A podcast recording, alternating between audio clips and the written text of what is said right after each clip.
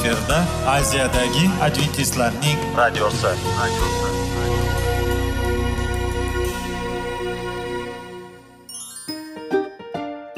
Assalomu alaykum aziz radio tinglovchilar. Sog'liq daqiqasi rubrikasiga xush kelibsiz. Zero tananing sog'lom bo'lishi va uning kasalliklardan saqlash har bir insonning burchi hisoblanadi. Inson uchun bebaho boylik bu sog'liq salomatlikdir. Uni asrash esa har birimizga omonat qilib berilgan. Shuning uchun ham inson o'z sog'lig'ini ehtiyot qilishi va ajib amallardan hisoblanadi. Dono xalqimiz sog'liq tuman boylik deb bejiz aytmagan. Aql idroq sohibi bo'lgan inson o'z hayotini qadrlashi lozim bo'ladi. Hozirgi kunda qanchalik dori darmonlar ko'paymasin tibbiy muassa sifati shifokorlar vasiyasi tibbiy texnika yaxshilanmasin. Agar insonning o'z salomatligi haqida qayg'urmasa kutilgan natijaga erishib bo'lmaydi va biz sizlarga bizning dasturimizga xush kelibsiz deymiz.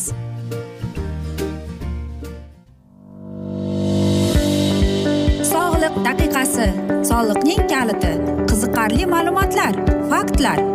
Har kuni siz uchun foydali maslahatlar. Sog'liq daqiqasi rubrikasi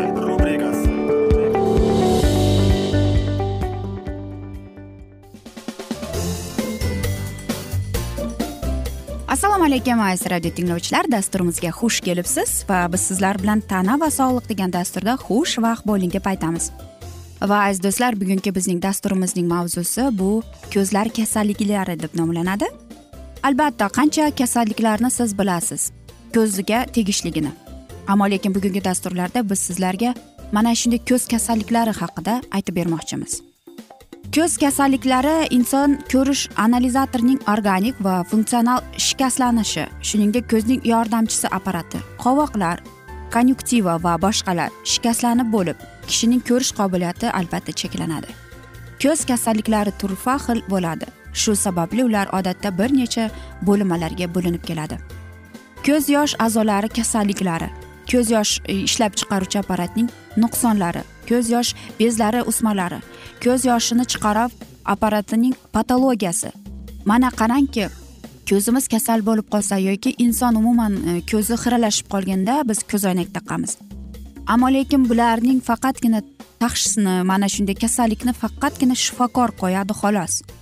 Yana bir kasallik borki bu konyuktiva kasalliklari ya'ni bu konyuktivaning yalliqlanishi deb ataladi. Bu traxoma xlamidial konyuktivning turi quruq ko'z sindromi yoki masalan ko'zning qorachig'i yetarlicha namlamasligi. Pinkvekula konyuktivaning distrofik shakllanishi. Terigium ya'ni konyuktivning qatlanib qolishi. Albatta biz mana shunday ko'zimiz og'rib yoki aytaylik qurib qolsa biz Э, o'zimizcha uyda davolagimiz keladi. Lekin ko'z bu eng asosiy va aytaylik muhim organlardan hisoblanar ekan. Yana shunday kasallik bor ekanki qarang episklerit degan. Bu sklera sirt qatlamining yalliqlanishi yoki masalan sklerning shoh pardaga ham o'tuvchi yalliqlanish yoki masalan qaysidir bir anomaliyaning rivojlanishiga olib kelar ekan. Yana bilarmidingiz shoh parda kasalliklari bu kretitit degan shoh pardaning yalliqlanishi shoh pardaning yupqalanishi bilan kechadigan degenerativ yalliqlanishsiz ko'z kasalligi. Bunda shoh parda qonussimon shaklga kiradi yoki shoh parda distrofiyasiga. Bu ko'z shoh pardasi shaffofligini kamaytiradigan e, ko'z kasalliklarining guruhiga kirib keladi. Yoki shoh pardaning anomal kattalashib ketgani yoki ko'z e, gavharining kasalligi ham bor. Masalan katarakta bu ko'z gavharning xiralashishi yoki e, aytib bunday qilib aytib oddiy so'z bilan aytganda aytaylik inson kunduzi ko'rib va kechga borganda uning ko'zi umuman ko'rmay qoladi. Afakiya bu ko'z gavharning yo'qligi. Shishasimon bu mana shunday kasal bor. Bu aytamizku ko'zimizga yora chiqqanda mana shuni shishasimon deb aytadi. Yoki rangdor parda kasalliklari ham bor ekan bu polikariya rangdor parda bilan bir necha qorachiqlar bo'lishi anerikiya degan bor yana ko'zda rangdor pardasining bo'lmasligi. Iridoksilit degan bor bu rangdor parda va seliar kipriklar degan tananing yalliqlanishi yoki irid rangdor pardaning yalliqlanishi masalan rangdor parda kolombasi rangdor parda va ko'z qorachig'ining shakli noto'g'ri bo'lishi ko'zni harat harakatlanishning apparatning kasalliklari ham bor ekan. Bu oftalmagiya ko'zni harakatlantiruvchi mushaklar g'ilaylik ko'zni ko'rish o'qining masalan fiksatsiya nuqtasidan og'ishi. Nistagm bu ko'z yuqori chastotada ixtiyorsiz tebranish harakati bo'ladi. Yoki egzofatalm degan bu ko'z olmaning oldiga silishi. Inson ko'rish orqali tashqi muhit haqidagi ma'lumotlarning to'qson foizini qabul qilar ekan. Ko'z nurini tiklash va yaxshilash usullarini bilish bu aytaylik orqali nafaqat miopiya yoki gipertermiyani davolash balki ko'rish qobiliyatini ancha yaxshiroq qilishdir. Misol uchun uy sharoitida bajaradigan mashqlar yordamida teleskopik ko'rish oddiy odamlar ko'ra olmaydigan masofadagi jismlarni aniqroq ko'rish qobiliyatini rivojlantirishi mumkin ekan. Bu qobiliyatni indeyslar bolalikdan shug'ullantiradi. Natijada ular ufqda ba'zur ko'radigan nuqtada qabila vakilini osongina topib olishga yordam beradi. Bu qobiliyat shuningdek dengizchilarda uchuvchilarda va ovchilarda ham bor ekan. Mikroskopik ko'rish qobiliyati guruh bu urug'i kemis kemisiga uzun matnlarni yozish imkonini beradi. Ko'rish qobiliyatini yaxshilash turli odatlarga amal qilish kerak ekan. Ko'z nurini tiklash maqsadida yoki u yoki bu usulni izlashga to'g'ri kelmasligi uchun ko'z nurini yomonlashini o'z vaqtida oldini olish kerak bo'ladi. Ko'rishni yaxshilashning eng yaxshi va aniq mashhur choralaridan biri bu albatta ish vaqtida mahalliy yorug'lik yetarli darajada bo'lishi kerak ekan. Va qarangki yorug'lik yetishmasligi tezda vizual charchashga olib keladi. Natijada ko'rish qobiliyati pasaya boshlaydi.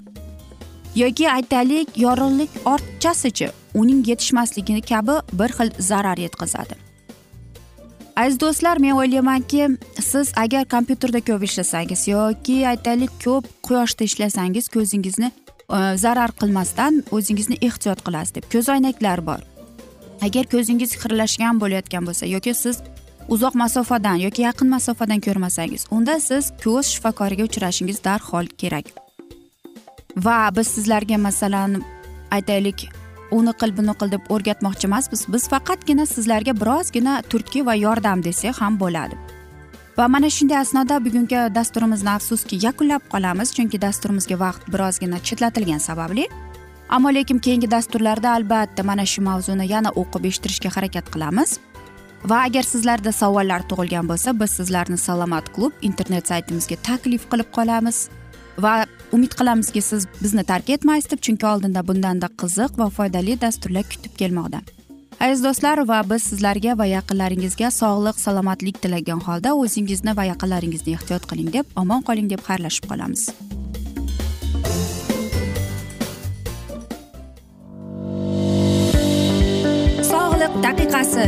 Soliqning kaliti qiziqarli ma'lumotlar faktlar. Har kuni siz uchun foydali maslahatlar. Sog'liq daqiqasi rubrikasi.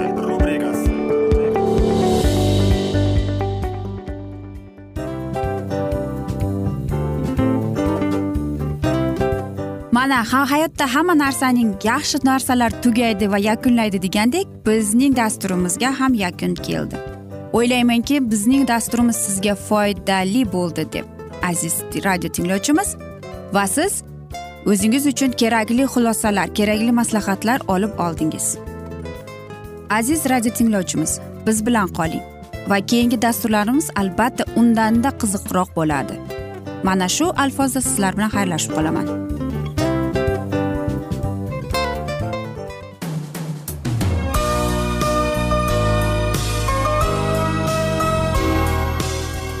Efirda aziyadagi adventistlarning radiosi.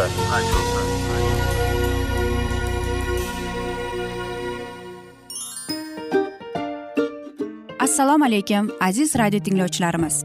Dil izhori dasturimizga xush kelibsiz.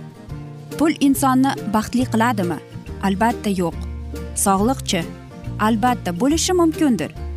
Lekin olimlar shuni isbotlashdiki to'liq va mukammal munosabatlar insonlarni baxtli qilar ekan. Albatta biz hayot davomida biz yaqin insonlar bilan odamlar bilan aloqada bo'lamiz va ular bilan munosabatlarimiz qanday kechadi qanday tuziladi? Yigit va qiz er va xotin ota ona va farzandlar va yaqin insonlar bilan balkim hozirgi vaqtda kimnidir hayoti yoki munosabatlari buzilyapti va bizning dasturlarimiz ularga yordam bo'ladi deb. Va oldinda sizlarni qiziqarli intervyular va mavzular kutyapti va biz umid qilamizki siz biz bilan qolasiz deb.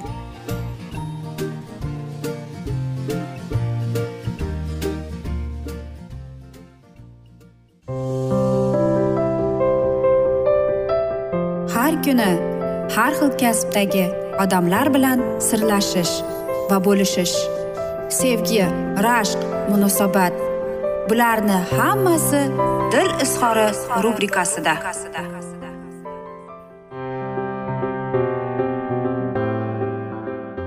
Assalomu alaykum aziz radio tinglovchilar. Dasturimizga xush kelibsiz va biz sizlar bilan erkaklar marsdan ayollar veneradan degan dasturni o'qib eshittirishni boshlagan edik. Va bugungi bizning dasturimizning mavzusi erkaklar o'zi nimani xohlashadi deb nomlanadi. Albatta har bir ayol hayot davomida o'ziga mana shunday savol berib kelgan. Ammo lekin bu savolga javob berishning o'zi oson emas. Va biz o'ylaymizki nega shunday deb? Nega? Yoki masalan biz erkak bilan til topishmasak yoki ba'zi bir erkaklarga qarab o'ylaymizki ular nimani xohlashardi o'zi deb? Albatta biz o'ylaymizki ular chiroyli go'zal husnga elgan e, bo'lgan qizlarni izlashadi deb. To'g'risini aytsam ko'pchilikning xayoliga ham aynan shu narsa keladi. Ehtimol sizning ta'bingiz e, go'zallik haqidagi umuman qabul qilingan me'yorlarga mos kelavermas. Biroq tanlagan odamingiz tashqi ko'rinishi bilan sizga mos kelishi ham o'ta muhimdir. Afsuski bu masalada erkaklar nima deyishsa ham ularning aksi ma'lum ko'rinishiga ega. Juftni oqtarishadi. Balki bu unchalik ham yomon emasdir. Ammo boshqa narsalarni ham unutmasligim kerakda tasavvur qiling. Erkak kishiga o'nta ayolni tanlash huquqi berildi. U aytaylik oqtaradi ham. Umuman olib qaraganda u avval husniga qaraydi va bu narsani odatiy deb qabul qilish kerak. Biroq undan keyinchi husniga mahliyo bo'lganingizdan so'ng siz uning dindorligiga e'tiborli qaratganmisiz lekin biz o'ylaymiz nima bo'ladi deb. Yo'q men bunday o'ylamayman deb aytamiz. Menga bu tabiiydir umuman olganda odamlar hammasi meni fikrimcha dindor bo'lishi kerak. Biroq askar erkaklar chiroyli ayolni ko'rganda ular mana shunday xayolni unutib yuborishadi. Agar erkak kishiga uning e, mana shunday dindorligi birinchi o'rinda tursa u bo'lajak ayolga bo'lgan go'zallik talabini biroz pasaytiradi yoki ayolini kelajakda dindor qilishiga umidvor qiladi. Va nima qilish kerak deymiz? Yoki qarang uning qiziqishiga intilishi bor deya o'zlariga o'zlari aytishadi. Biroq bu so'z hech qanday asosga ega bo'lmaydi. O'zlari esa o'z yolg'onlariga qorilib qoladi. U qanday nima qilish kerak? Nima bo'ladi to'ydan keyin? Yo'q. Erkak kishi nimani istaydi degan savolga qaytar ekanmiz? Unga javob tariqasida o'ziga chiroyli salomatligini o'ylaydigan va qandaydir mashqlarni bajaradigan istashadi. Biz o'ziga qaramaydigan ayolni istaymizmi? Yo'q albatta. Odamlarga erkak va ayolga abadiylikka doimiylikka intilish xosdir. Ular o'z yonida bir farzand tarbiyalaydigan baxtli va sog'lom hayot kechiradigan umr yo'ldoshini ko'rishni istaydilar. Bir bu umr yo'ldosh do'st birodar deb hisoblanadi. Chunki hayotingizdagi eng muhim hisoblangan nikoh ham shu narsaga asoslangan. Ayol kishilardan erkak e, olishi mumkin bo'lgan eng ajoyib narsa bu uning xolis birodarligi sodiqligiga asoslangan do'stligidir. Bundan tashqari ayol kishiga go'zal xulq ham bo'lmog'i kerak va farzandiga un to'g'ri tarbiya berishi lozim bo'ladi. Erkak sifatida men oilami deydi. Boqish uchun dunyoga sho'ng'ib ishlayman deb aytadi erkaklar. Shuning uchun ham men yo'g'imda farzandlarimga qarab ularga yaxshi tarbiya beradigan ayolni bo'lish uchun men uchun eng katta baxtdir deb aytadi ayollar. Yoki ayolini do'st deb qabul qilsachi. Agar biror bir narsani muhabbat bilan qilsak hatto taom tayyorlash ham va uni iste'mol qilish ham katta xursandchilik keltirishi mumkin ekan. Ammo lekin ayol ham tarbiyasi bilan shug'ullanib ha uy ro'zg'ori bilan shug'ullanib ham ishlasachi. Mana shu joyda savol keladi erkak uchun bu muhimmi deb. Bunga turli xil javob berishimiz mumkin. Ba'zi erkaklar uchun ayollarning o'ziga yarasha xususiyatlarda ustunligi kerak. Ba'zida esa ayol kishini nazorat qilishni istashadi. Ba'zilar esa ayollarda hech qanday intilish maqsad bo'lishni xohlamaydi. Ular juda oqilona va tartibli ayollar deydi. Chunki unga ko'ra bunday ayol doim uning xizmatida bo'lishi kerak. Er ayol uchun boshqa hammadan ham yaxshi bo'lishi kerak emish. Balki bu narsaga ustunlik hukmronlik hissini berar. Shaxsan men buni tushunmayman deydi. Masalan erkak kishi uyga kelganda uyda ayoli bo'lishini yoqadi. Menga deydi g'amxo'rlik qilishi ham rost yoqadi. Bu erkak ruhiyatiga juda juda katta ijobiy ta'sir ko'rsatadi deb aytamiz. E, lekin bu to'g'rimi? Ammo lekin qarangki bu narsalar o'zaro muhabbatning kuchayishiga nikohning yanada mustahkam bo'lishiga katta hissa qo'shadi. Biz o'ylaymizki ba'zilarning xotinining biror narsaga erishayotganini ko'rishdan bu baxtlidir. Ularni qo'llab quvvatlashga tayyor bo'ladilar. Ayniqsa ayoli shug'ullanayotgan narsa umuman mana shunday foydali bo'lsa deb. Aytingchi ayollar rol deganda siz nimani tushunasiz? Askar erkaklar buni taom tayyorlash uy joylarni tozalash deb iborat deb tushunishadi.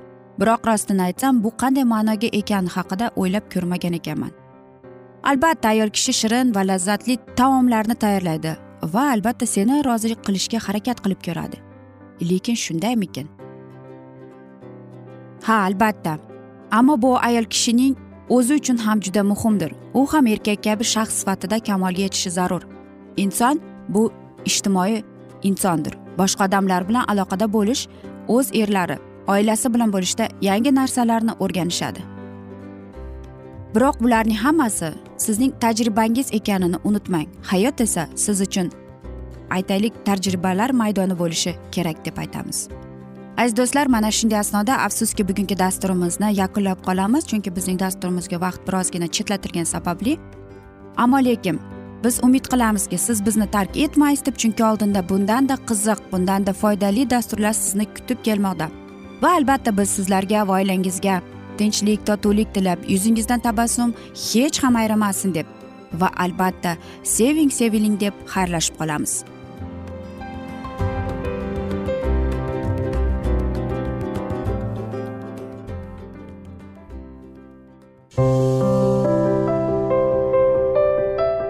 Har kuni har xil kasbdagi odamlar bilan sirlashish va bo'lishish sevgi rashq munosabat bularni hammasi dil izhori rubrikasida.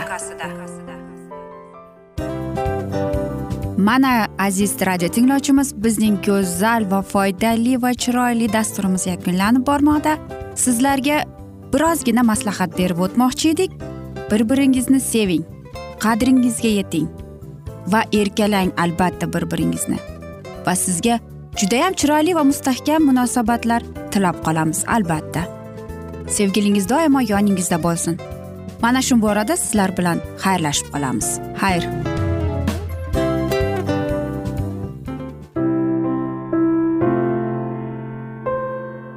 Hayotning noni qiziqtirgan savollar va javoblar. Buning hammasi ko'ngil uchun oziqa rubrikasida.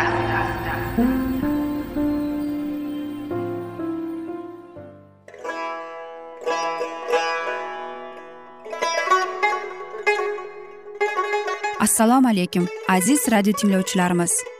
Ko'ngil uchun oziqa rubrikasida xush kelibsiz deymiz. Siz haqiqatni izlayapsizmi? Olamnimi umidnimi siz kimga murojaat qilmoqchisiz? Odamlar ko'pincha siyosat kuchiga tayanadilar. Dunyo iqtisodiyoti holati tobora chuqurlashib bormoqda. Tabiiy ofatlar va texnogen halokatlar minglab insonlarning hayotini olib ketib juda katta zarar yetkazmoqda. Sizga abadiy hayot inomini hadya qiluvchi va hayotingizni tubdan o'zgartiruvchi haqiqatni izlab toping. Xudo haqidagi haqiqat uning kalomida mujassamlashgan. Kimki bu haqiqatni butun qalbi bilan izlasa albatta unga yetishadi. Bu sevgi xudoning tarixidir. Hayotingizda yoki sizning yon atrofingizdagi olamda nimalar yuz berishidan qat'iy nazar siz ertagi kunga buyuk umid va ishonch hosil qilishingiz mumkin. Hozirda xudo sizga taklif qilayotgan umid ishonchga o'z qalbingizni oching va sizni qiziqtirayotgan mavzularni savollaringizga javoblaringizni topib olasiz deb umid qilamiz. Biz bilan qoling.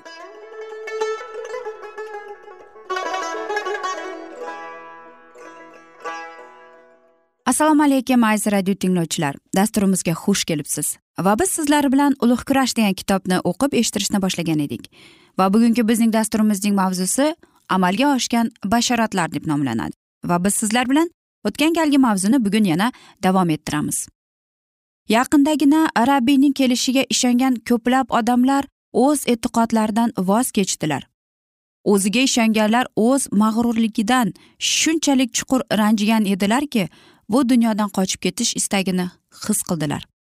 Payg'ambar yunus singari ular rabbiyni aybladilar va o'limni afzal ko'rdilar. E'tiqodi xudoning kalomiga emas balki boshqa odamlarning fikriga asoslanganlar endilikda o'z qarashlarini yana o'zgartirishga tayyor edilar. Shaqqoqlar o'z tomoniga zaif va qo'rqoqlarni jalb qilib birgalikda endi hech kimdan qo'rqmasliklarini boshqa hech kimni kutish kerak emasligini ta'kidladilar. Vaqt o'tdi rabbiy kelmadi. Dunyo oldin qanday bo'lgan bo'lsa endi yana ming yil shundayligicha qoladi. Jiddiy. Sidqidildan ishonchchan masih nomi uchun hamma narsalarni qurbonlikka keltirar va ilgari hech qanday bo'lmaganday uning borligini his qiladilar. Ular dunyoga so'nggi ogohlantirishni ma'lum qildilar. Tez orada ustozlari va muqaddas farishtalar bilan uchrashish umidida bu haqiqatni qabul qilishni istamaganlar bilan muloqot qilishdan o'zlarini olib qochadi. Ular butun qalblari ila ibodat qiladilar. Kela qol rabbiy iso tezroq kela qol. Biroq masih kelmadi. Ana endi azob uqubatlar va g'am tashvishlar yukini yana yelkaga orttirib dunyoning tahrirlashlariga masxara va pichinlarga dosh berishga to'g'ri keladi. Ularning sabr va ishonchi haqiqatdan ham qo'rqinchli sinovdan o'tishga duchor bo'ldi. Biroq bunday umidsizlik masihning birinchi bor kelgan davrida uning shogirdlari boshdan kechirganlariga qaraganda hech gap emas. Iso tantanali ravishda qudusga kirib kelayotganda uning izdoshlari masih dovud taxtiga o'tirib isroilni bosqinchilardan ozod qilishga ishonganlar. Quvonchli uchrashuv. Orzu umidida bo'lgan haloqiylik o'z shohiga turli izzat ikrom ko'rsatish paytida bo'ldilar. Xalqning ko'pchilik qismi gilam o'rniga o'z kiyimlarini yo'lga poyandoz qilib to'shadilar. Ba'zilari esa daraxt shoxlarini kesib yo'lga tushadilar. Shodlangan haloyiq shunday deb hayqirar edi. Dovud o'g'li mangu yashasin. Shogirdlar baland ovozda bilan xudo sha'niga hamdu sanolar aytayotganlaridan g'azablangan va bezovtalangan farziylar isoga shogirdlarni jim qilishni aytishdi. Iso ularga javob dedi. Sizlarga aytamanki agar bular jim bo'lsa toshlar chinqiragay qilingan karomat amalga oshishi kerak edi. Shogirdlar xudoning irodasiga binoan ish tutdilar ammo baribir ularni umidsizlik va ko'ngil sovish ko'tarinki. Oradan bir necha kun o'tdi va shogirdlar najotkorning oxir o'limi va uni dafn qilishning guvohi bo'ldilar. Rabiy qabrdan tantanavor chiqqandan keyingina yuz bergan hodisalarning hammasini bashorat qilinganligini va masihning azob bilan o'lib tirilishi kerakligini ular tushundilar. Bungacha besh yuz oldin rabiy payg'ambar zakariya orqali shunday degan xursand bo'lib quvoning ey qudus xalqi shodlik ila hayqiring ey siyon xalqi. Mana shohingiz kelyapti. U zafar qozongan g'olibdir. Shunga qaramay kamtarindir shohingiz u eshakning ustida. Ha eshakning bolasini xo'tig'ini minib ketyapti dedi. Agar isoning hukm qilinib o'ldirishini uning shogirdlari oldinroq bilganlarida edi shubhasiz bu bashoratni bajarish qo'llaridan kelmagan bo'lar edi. Miller va uning maslahatdoshlari xuddi shunday tarzda basharatni ado etdilar. Muqaddas kalamda olamga mo'ljallangan xabarni e'lon qildilar. Agar ularni kutib turgan va umidsizlik haqida aytilgan bashoratni ular to'liq tushunib rabbiyning olamga ikkinchi bor qaytishini barcha xalqlarga targ'ib qiluvchi yana boshqa xabar borligini bilganlarida edi. Ular bu xizmatni ato etmagan bo'lar edilar. Farishtalarning birinchi va ikkinchi xabari kerakli vaqtida e'lon qilinib bo'lib rabbiy ularga belgilab bergan vazifani talab etilgan darajada bajaradilar. Dunyo bu harakatni kuzatib turar ekan. Modomki vaqt o'tdi ammo masih kelmadi. Demak endilikda adventistlarning ham ta'limotiga chek qo'yiladi deb o'ylardi. Garchi ko'plab odamlar kuchli vasvasaga tushib o'z e'tiqodlaridan voz kechgan bo'lsalarda qolganlar sabot va matonat ko'rsatib o'z ishonchlarida qat'iy qoldilar. Adventistlar harakatining bergan mevalari itoatkorlik ruhi har kimning o'zini o'zi tahlil qilishga bo'lgan moyilligi dunyodan voz kechish va hayotni tubdan o'zgartirish bu xabarning ilohiy ekanligini qizg'in tarzda isbotlab beradi.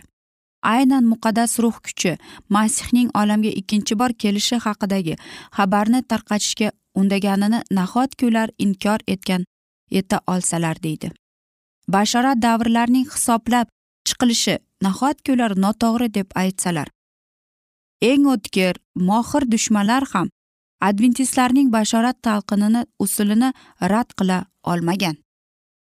Muqaddas kitob isbotlariga ega bo'lmagan holda ular muqaddas bitiklarni jiddiy o'rganish jarayonida hamda e'zozli ibodat orqali ishlab chiqarilgan o'zlarining ta'limotini asoslaridan voz kecha olmadilar. Aziz do'stlar afsuski mana shunday asnoda biz bugungi mavzuyimizni yakunlab qolamiz chunki bizning dasturimizga vaqt birozgina chetlatilgani sababli. Lekin sizlarda savollar tug'ilgan bo'lsa biz sizlarni adventis tochka ru internet saytimizga taklif qilib qolamiz.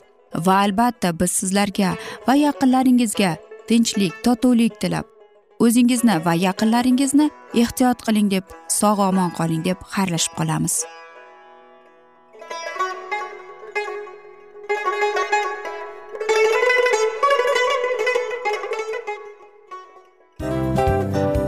Hamma narsaning yakuni bo'ladi degandek afsuski bizning ham dasturlarimiz yakunlanib qolyapti.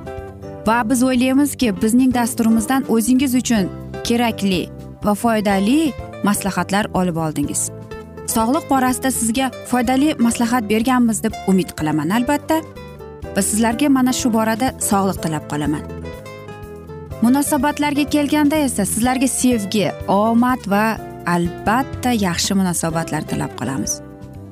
Uchinchisiga kelganda esa bu juda chuqur va e'tiborli nazarni qumsaydi. Va sizlarga mana shu yaxshilik kayfiyatda sizni kayfiyatingizni ko'targan holda sizlar bilan xayrlashib qolaman afsuski. Ammo lekin keyingi dasturlarimiz undanda qiziq bo'ladi. Va siz biz bilan bo'ling. Bizni tanlaganingiz uchun sizlarga rahmat. Omad sizlarga. Xayr.